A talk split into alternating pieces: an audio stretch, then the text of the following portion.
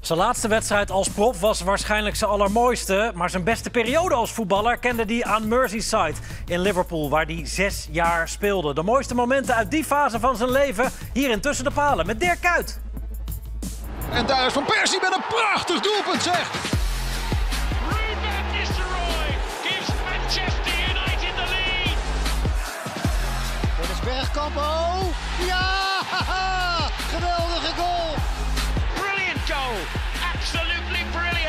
Ronald Koeman uiteraard. Dus schitterend hard en raak. Dirk Kuyt does what he knows best. And that is brilliant. Dirk, welkom. Ja. Ontzettend leuk je te zien hier. Ehm, Leuk hier te zijn. Ik loog niet, denk ik, toen ik zei eh, dat je allerlaatste wedstrijd je absolute hoogtepunt was. Ehm, maar we gaan het nu hebben over een eh, periode van jou in Engeland. Was dat de beste uit je carrière, de beste fase? Ja, dat was wel de periode waarin ik eh, in de prime van mijn carrière zat. Eh, bij een fantastische club, Liverpool. Ja, ook eh, in die jaren met Nel Zelftal fantastische prestaties geleverd met hoogtepunt in 2010. Maar ja, de jaren met Liverpool, Champions League niveau, Champions League finale gespeeld in de Premier League. Meegestreden om, om, om de titels. Helaas maar eentje gehaald met de Carling Cup. Maar vaak wel heel dichtbij geweest. En het waren voor mij ja, de, op het hoogste niveau eh, de meest succesvolle jaren. Komende half uur gaan we allemaal prachtige beelden van die periode voorbij laten komen. Doe, doe je dat vaak op, op een verloren avond nog eventjes op YouTube een beetje rondhangen? En... Eh, nou ja, ik heb tijdens mijn carrière heel weinig teruggekeken. Eh, ik heb wel, eh, moet ik zeggen, ben ik heel veel bezig indirect met mijn toekomst. Want ik doe ook de cursus coach betaald voetbal. Dat heet UEFA Pro tegenwoordig. En daarin heb ik heel veel werk te verrichten. Maar probeer ik gelijk te combineren met mijn eigen toekomst als, eh, als coach. Die ik graag eh, eh, wil zijn in de toekomst. Dus daar stop ik heel veel tijd en energie in. En daarnaast zie je wel ja, steeds meer terugblikken van jezelf. En dat is leuk om naar te kijken. Nou, Ja, ehm, het is Liverpool wat de klok slaat, deze uitzending. Laten we beginnen met het duel dat jij uitkoos als je favoriete wedstrijd. Uiteraard een derby, Everton uit, oktober 2007 op Goodison Park. Bursting forward from midfield. He's got in ahead of Hibbert. It's Steven Gerrard who goes down and gets a penalty. Well, I think this one should be yellow. He's making a genuine attempt to, well, I think the referee's got this one wrong. And he does. Coolly and calmly. Well, he certainly had me fooled. And maybe Tim Howard as well. He probably done his homework and thought it was going that way. Didn't sit down quickly enough for their count. And he threw himself into that challenge. And again, the crowd rise and demand a card. Mr. Clattenburg will oblige. Well, he goes to slide for the ball there, Count. His, his feet are off the ground. He's nowhere near the player. Body's in the way. Pennant gets one in again and counts there. And it's Lucas. Handled on the line. It's going to be another red card for Neville. It's going to be another penalty. Unbelievable finish here at Goodison. It's Dirk Kuyt. Can he stay calm? Can he stay focused? Can he win the derby for Liverpool? Yes, he can. Dirk Kuyt turns the game on its head. His second penalty, Liverpool's second goal. Three points and victory in the Merseyside derby. And Everton fans in disbelief.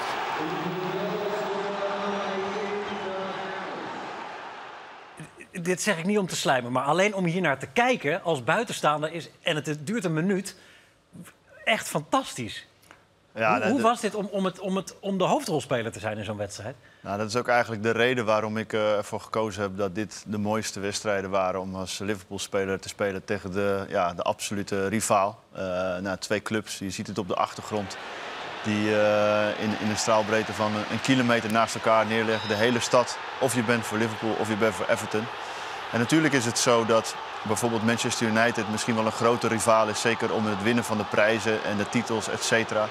Maar deze wedstrijd, ja, hier, hier zat alles in. Dit is het. En in die tackle zit ook alles, denk ik. Ja, die tackle zat alles. En eh, ja, dit is natuurlijk een diep rode kaart. En als je ziet welke, in welke eh, emoties eh, de wedstrijd beleefd wordt... waarin we de eerste penalty die we krijgen, de scheidsrechter een rode kaart geeft... en misschien net geen rode kaart is...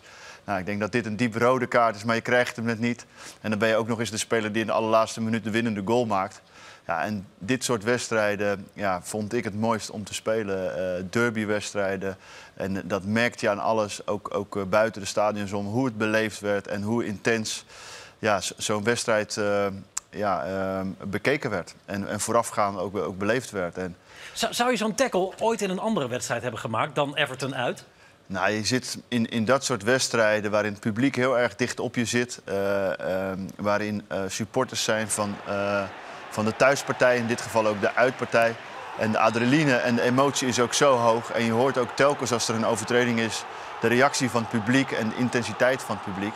Ja, en in dit, in, in, in dit uh, moment verloor ik mezelf uh, volledig. Na die eerste tackle misschien? Ik moet wel eerlijk zeggen dat ik, toen ik in de lucht was... Uh, toen dacht ik van nou, ik moet er alles aan doen om proberen mijn knie in te houden. Maar normaal gesproken in het voetbal is het zo... als be beide benen van de grond zijn, is er maar één consequentie. Omdat je ja, dan de, de rode kaart moet geven. Dus die had ik ook absoluut hier verdiend.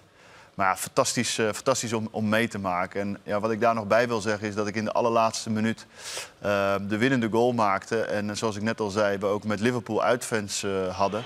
En normaal gesproken ja, is het zo als de tegenpartij, nou ja, denk maar aan Feyenoord-Ajax.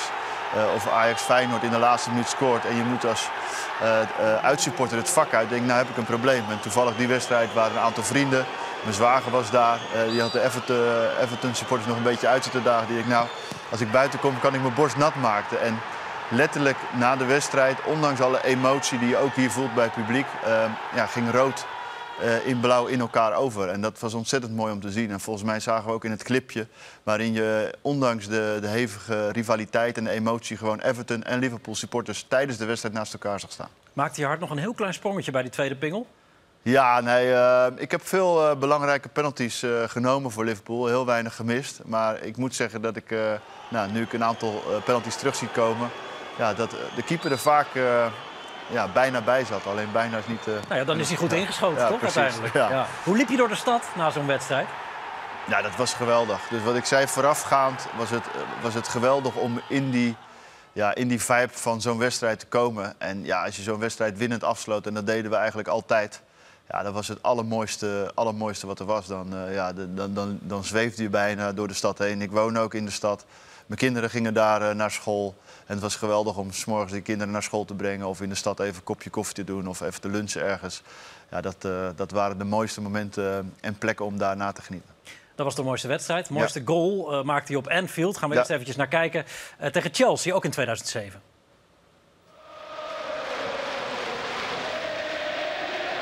Crouch. And Cout has worked his way through. And Chelsea looks soft in the centre at the back. And Dirk Cout has taken early advantage of that. A goal just over three minutes. He steps away from it. And that gives Cout a chance to let it bounce from the flick on. And then he just takes it across. It's a great finish in the end and a great the way that he set it up for himself. Waarom kies je voor deze? Ja, dit is misschien niet per se uh, de allermooiste goal die ik voor Liverpool uh, gemaakt uh, heb. straks, volgens mij, verderop in het programma komt er nog wel een aardige zeker, goal. Zeker. Um, maar voorafgaand aan deze wedstrijd hebben we hier misschien wel twee dagen op getraind. Rafa Benitez, ehm, die was hier de dag en de, dag, of de twee dagen voor de wedstrijd was hij bezig met de, uh, ja, de kansen voor ons. Waar, waar, lagen de kansen namens Liverpool tegen Chelsea? En dit moment hebben we gewoon meerdere malen getraind voorafgaand aan de wedstrijd.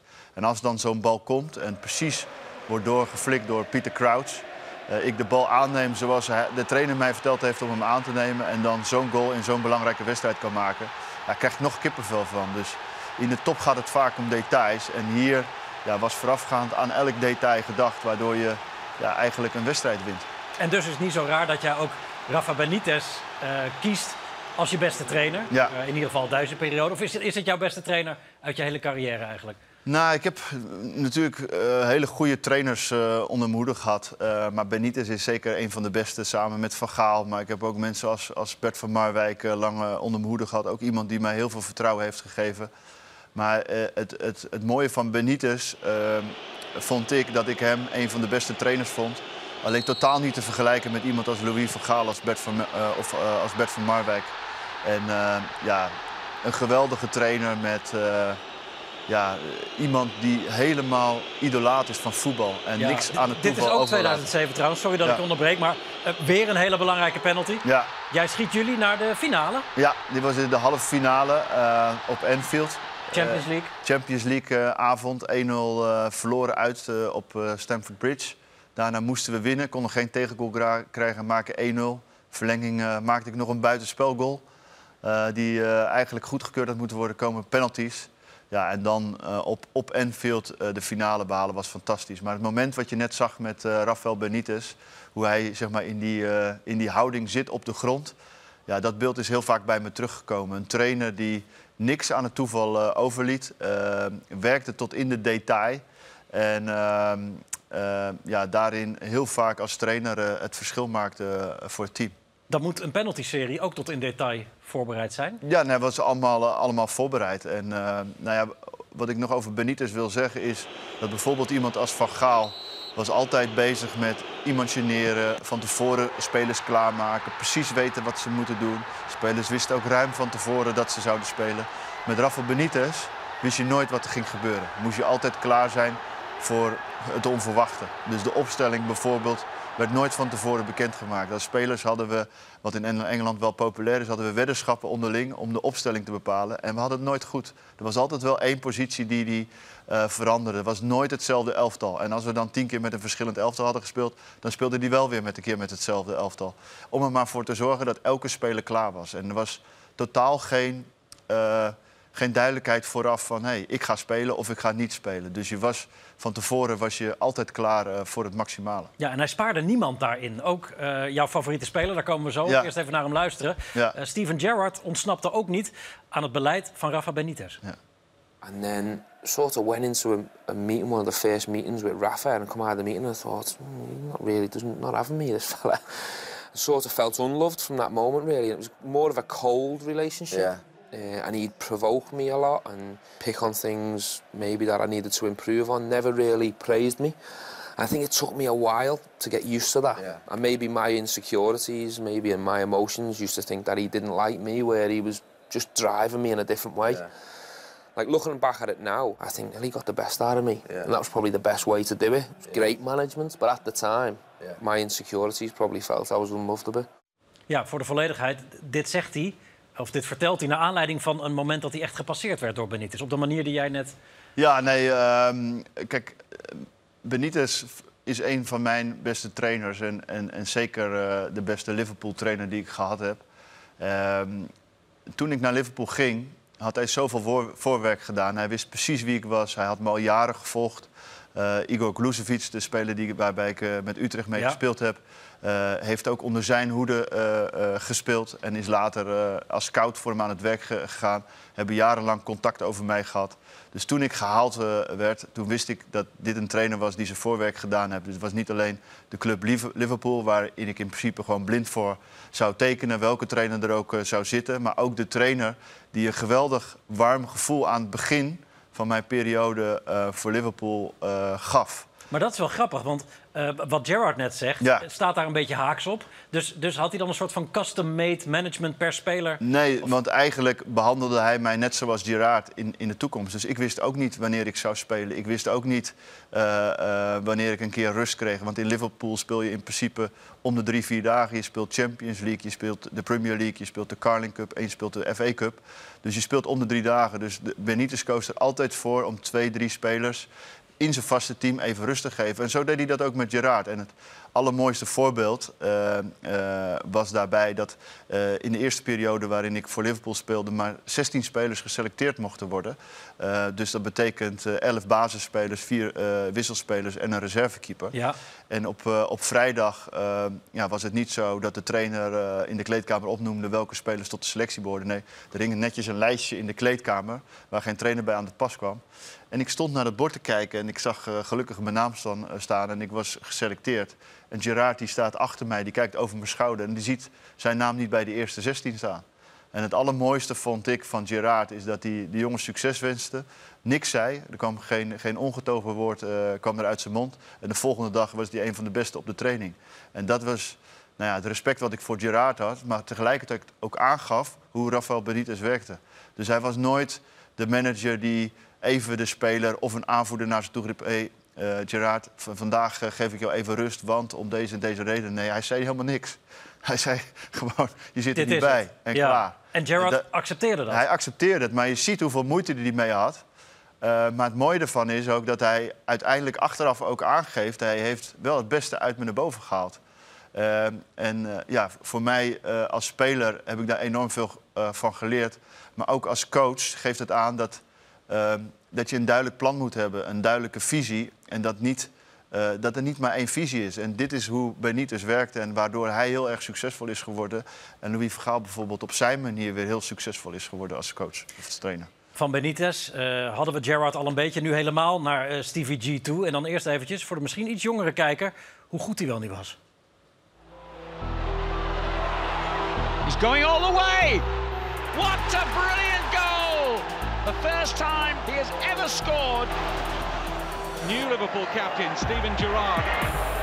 Oh, what about that? And Gerrard does what he does so well. What a goal! Steven Gerrard at his best. And Gerrard converts from the spot.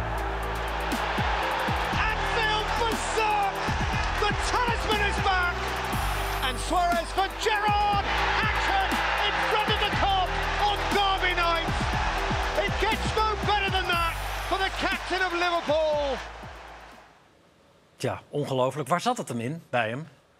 Ja, ik, ik heb natuurlijk met heel veel eh goede spelers mogen spelen. Zowel bij Liverpool eh, met Gerrard, met Mascherano, met Alonso, eh, met Torres, eh, met Suarez. Dus, en, en dan vergeet ik er nog een heel hoop. Maar ook bij het Nederlands elftal, eh, Van Nistelrooy, Robben, eh, Van Persie, Van der Vaart. Dus ik heb met de beste mogen spelen. Alleen Steven had echt alles. Dus, eh, en het was een leider, een echte aanvoerder. Niet een man van heel veel woorden, maar elk woord wat hij sprak was raak. Ehm, eh, hij had een fantastische paas. Als je kijkt hoe hij scoort, dan scoort hij niet alleen met een geweldige harde wreeftrap, maar hij heeft ook een binnenkant voet. Hij scoorde eh, in het clipje net ook een aantal keren met links. Het is een speler die snelheid heeft voor een middenvelder. eh, heel belangrijk. Hij heeft diepgang zonder bal. Hij heeft een dribbel. ehm, en hij heeft ook een geweldige tackle. En is iemand die nooit opgeeft en altijd elk potje wat hij wil, wat hij speelt op de training, wil, wil winnen. En ook op de training wil hij, eh, niet alleen in de wedstrijden, maar ook op de training wil hij altijd de beste zijn. En is altijd bezig eh, om zichzelf te verbeteren. Eh, ja, zo vaak als ik hem eh, gewerkt heb, was hij altijd met zichzelf bezig. En een van de eerste trainingen zal ik nooit vergeten, de manier hoe hij een bal inspeelde. Zo hard, zo zuiver. En als ik hem dan met mijn binnenkantvoet eh, mocht aannemen, deed het gewoon pijn aan mijn voet. Oh ja? Ja. Hoe, hoe was jullie samenwerking op het veld? Ja, eigenlijk heel goed. Eh, ik denk dat wij een bepaalde klik met elkaar hadden, eh, binnen en buiten het veld. Het is nog steeds een speler waar ik eh, ja, regelmatig eh, wel contact mee heb. Dan moet je niet denken dat we elkaar elke week bellen. Maar ja, zoals laatst bijvoorbeeld met de UEFA Cup wedstrijden eh, tegen Glasgow Rangers met Feyenoord. ja, dan spreek je elkaar en zie je elkaar ook even. Hij was op je testimonial natuurlijk Ja, op de testimonial Ja. kwam die ja, vanuit de Champions League finale kwam die even over. Dus ja, is een, is een speler en, een- en een mens waar ik ontzettend veel eh, respect voor heb. En in het veld konden wij elkaar goed vinden. Het eerste jaar eh, klikte dat eigenlijk al goed. En later kwam ik, eh het tweede jaar kwam ik wat meer op rechts te spelen. En eh, ja, waarin eh, Torres eh, en Gerard fantastisch waren. Torres die, die, die, die elke week eh, goal na goal maakte. Maar ook Gerard die heel veel goals maakte. Was ik eigenlijk daarin een verbindende speler. En eh, ja, ik heb een geweldige tijd met Liverpool en met eh Gerard gehad. En eh, ja, ook een mooie vriendschap is daaruit ontstaan. Mooi. Ehm, Liverpool is natuurlijk veel wat er op het veld gebeurt. De spelers, de trainer. Maar Liverpool is ook heel erg Anfield. Ja. Eh, dat is als je er één keer bent geweest, dat, dan, dan voel je het meteen al. Hoe is het om daar een paar honderd wedstrijden gespeeld te hebben? Wat, wat, wat is het met dat Anfield? Ja, nou, kijk, het, het- is een fantastisch stadion. En nou, als ik het nu zo op de achtergrond zie. En eh, de afgelopen nou ja, twee, drie jaar ben ik eh, eh, ja, meerdere malen geweest. Ben ik ook heel blij dat, dat, dat Liverpool bij Anfield is gebleven en dat ze daar de extension hebben gedaan. En het mooie van de extension is dat het gevoel in het stadion is blijven zitten. En het gevoel wordt bepaald door de mensen. En dat maakt het zo mooi om op Anfield te, te spelen. De passie die de, mensen, die de mensen hebben voor het voetbal, maar ook de club Liverpool. Ja, dat, dat, dat is een onbeschrijfelijk gevoel. En, en, en dat, ja, dat pakt hij elke wedstrijd eh, weer mee. En nou, toen ik moest beschrijven van eh, wa- waar zit het hem dan precies in? En, en dat is eigenlijk het best uit te leggen door bijvoorbeeld eh, het Hillsborough-drama met de 96 mensen die zijn overleden. De, er wordt jaarlijks een, mem- een memorial voor georganiseerd. Dan zit het stadion vol. En als je dan kijkt, het respect wat de mensen hebben voor de mensen die- zijn overleden, is het één familie, eh, een, een, een eenheid. En, en daarin zit al het gevoel. En als je dan daarna het geluid hoort in de wedstrijden, de beleving, ja, dat, is, dat is eigenlijk Liverpool. Ja, die club zit echt in, in de mensen. In de mensen, het is meer dan een voetbalclub. Ja, Ja. dat zit hem in schitterende herdenkingen. Ja. eh, zoals die van de Hillsborough-ramp eh, uit 1989. Eh, maar het zit hem natuurlijk ook in het bijna religieuze eh, begin van iedere wedstrijd met. You'll Never Walk Alone. Laten we even kijken. Ja.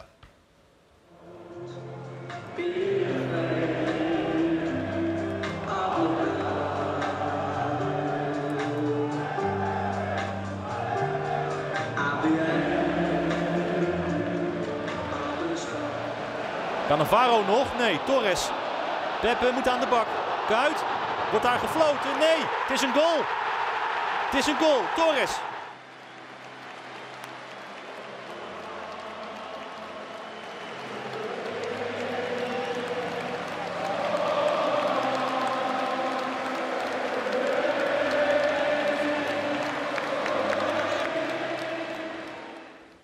Ja, mooi, die oude tunnel nog in. Of tu- tunneltje was het Ja. eigenlijk. Wa- Wat, wat doet dat met een speler als je dat gezang hoort vlak voordat je aftrapt? Ja, dat is eigenlijk het mooiste gevoel wat je kan creëren voordat je een voetbalwedstrijd moet gaan spelen. Dus eh, het mooie is, bij, eh, bij Feyenoord wordt het lied ook vaak gezongen, bij, bij Liverpool nog intenser. Ja, er is geen beter lied wat je voorafgaand aan een wedstrijd kan horen dan het You Never Walk Alone. Dan ben je eigenlijk altijd klaar om het maximale van je lichaam te vragen. En dat is wat ik ook altijd eh, gedaan heb. En ja, dat, dat, maakt, dat, dat maakt de Enfield zo mooi. Ehm, laatste fragment is eigenlijk een hele mooie 2 in 1, waar mooie, waarin je het, het, het beste en het slechtste eh, verpakt. Eh, neem ons even mee. Dit, dit is ook 2007, die wedstrijd tegen West Ham. Waarin je vertelt dat je eerste helft heel slecht was Ja, en uiteindelijk een wereldgoal maakt. ja. Nou, Neem ons kijk, even mee. Ja, nee, het was eigenlijk een wedstrijd waarin ik... eh, ja, gewoon, ik zat er niet lekker in. Dus eh, niks lukte, eh, ballen sprongen van mijn voeten. eh, ehm, eh, zeg maar de samenwerking onderling met, met spelers die normaal heel goed is, dat liep even niet lekker. Ik zat er niet lekker in. En ja, wat ik net al zei over Gerrard, de beste speler, was een leider van Liverpool, nam iedereen altijd bij de hand. Maar meer door zijn uitstraling en, en, en gedrag dan door woorden. Alleen hij eh, was zelfs de, degene die in de kleedkamer in de rust even naar me toe kwam. Dat het eh, echt niet zo langer kon en dat het beter moest. En eh, nou ja, die eerste helft die liep dus totaal niet lekker. En 10 seconden, volgens mij 10, 15 seconden in de tweede helft krijg ik een bal voor mijn voeten en ik schiet hem eh, onderkant lat geweldig binnen. Ja, en er was ook weer Didier Raad die naar me toe kwam van... Nou, ik heb je nog nooit zo slecht zien spelen in de eerste helft, maar je hebt nu weer alles goed gemaakt.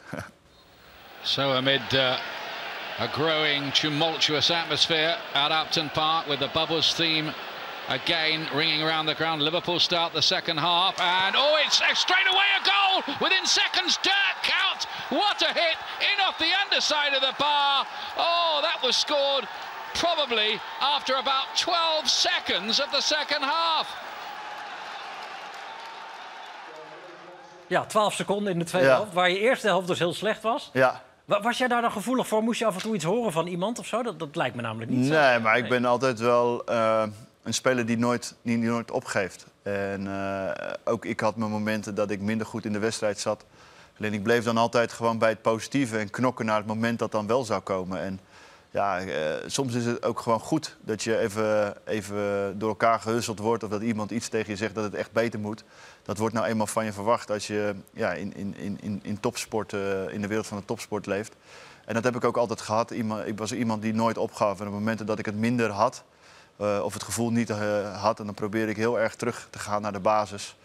Ja, moet ik wel zeggen, als ik dit moment terugzie... eh, van nou, het eerste balcontact in de tweede helft... nou, zo'n slechte eerste de helft was niet de basis, maar wel overtuiging. En dat is wel iets wat ik altijd had. Ja, wat daarna gebeurt is ook mooi. Want eh, nou ja, wij weten nu, Ja. jij wist dat op dat moment Ja. uiteraard wel. Eh, Ja, je ziet hem echt dat, zeggen wat ik eigenlijk net in het Nederlands verte- vertelde. En ja, daar kwamen nog misschien wel een paar bad words bij. Dat zie je ook duidelijk ja, in zijn emotie. Maar het is ook mooi om te zien, en dat gaf ik net aan, dat elk potje was hij bezig om te winnen. En nou ja, als je ziet ook de emotie die hij mij weer doorgeeft van hey, dat is wat ik van je gevraagd heb. En, en, en wat het dan ook voor hem doet, ja, dat, dat vond ik wel mooi. Ja, um, uiteindelijk is 14 mei 2017 als dag denk ik de mooiste uit je profloopbaan. Ja.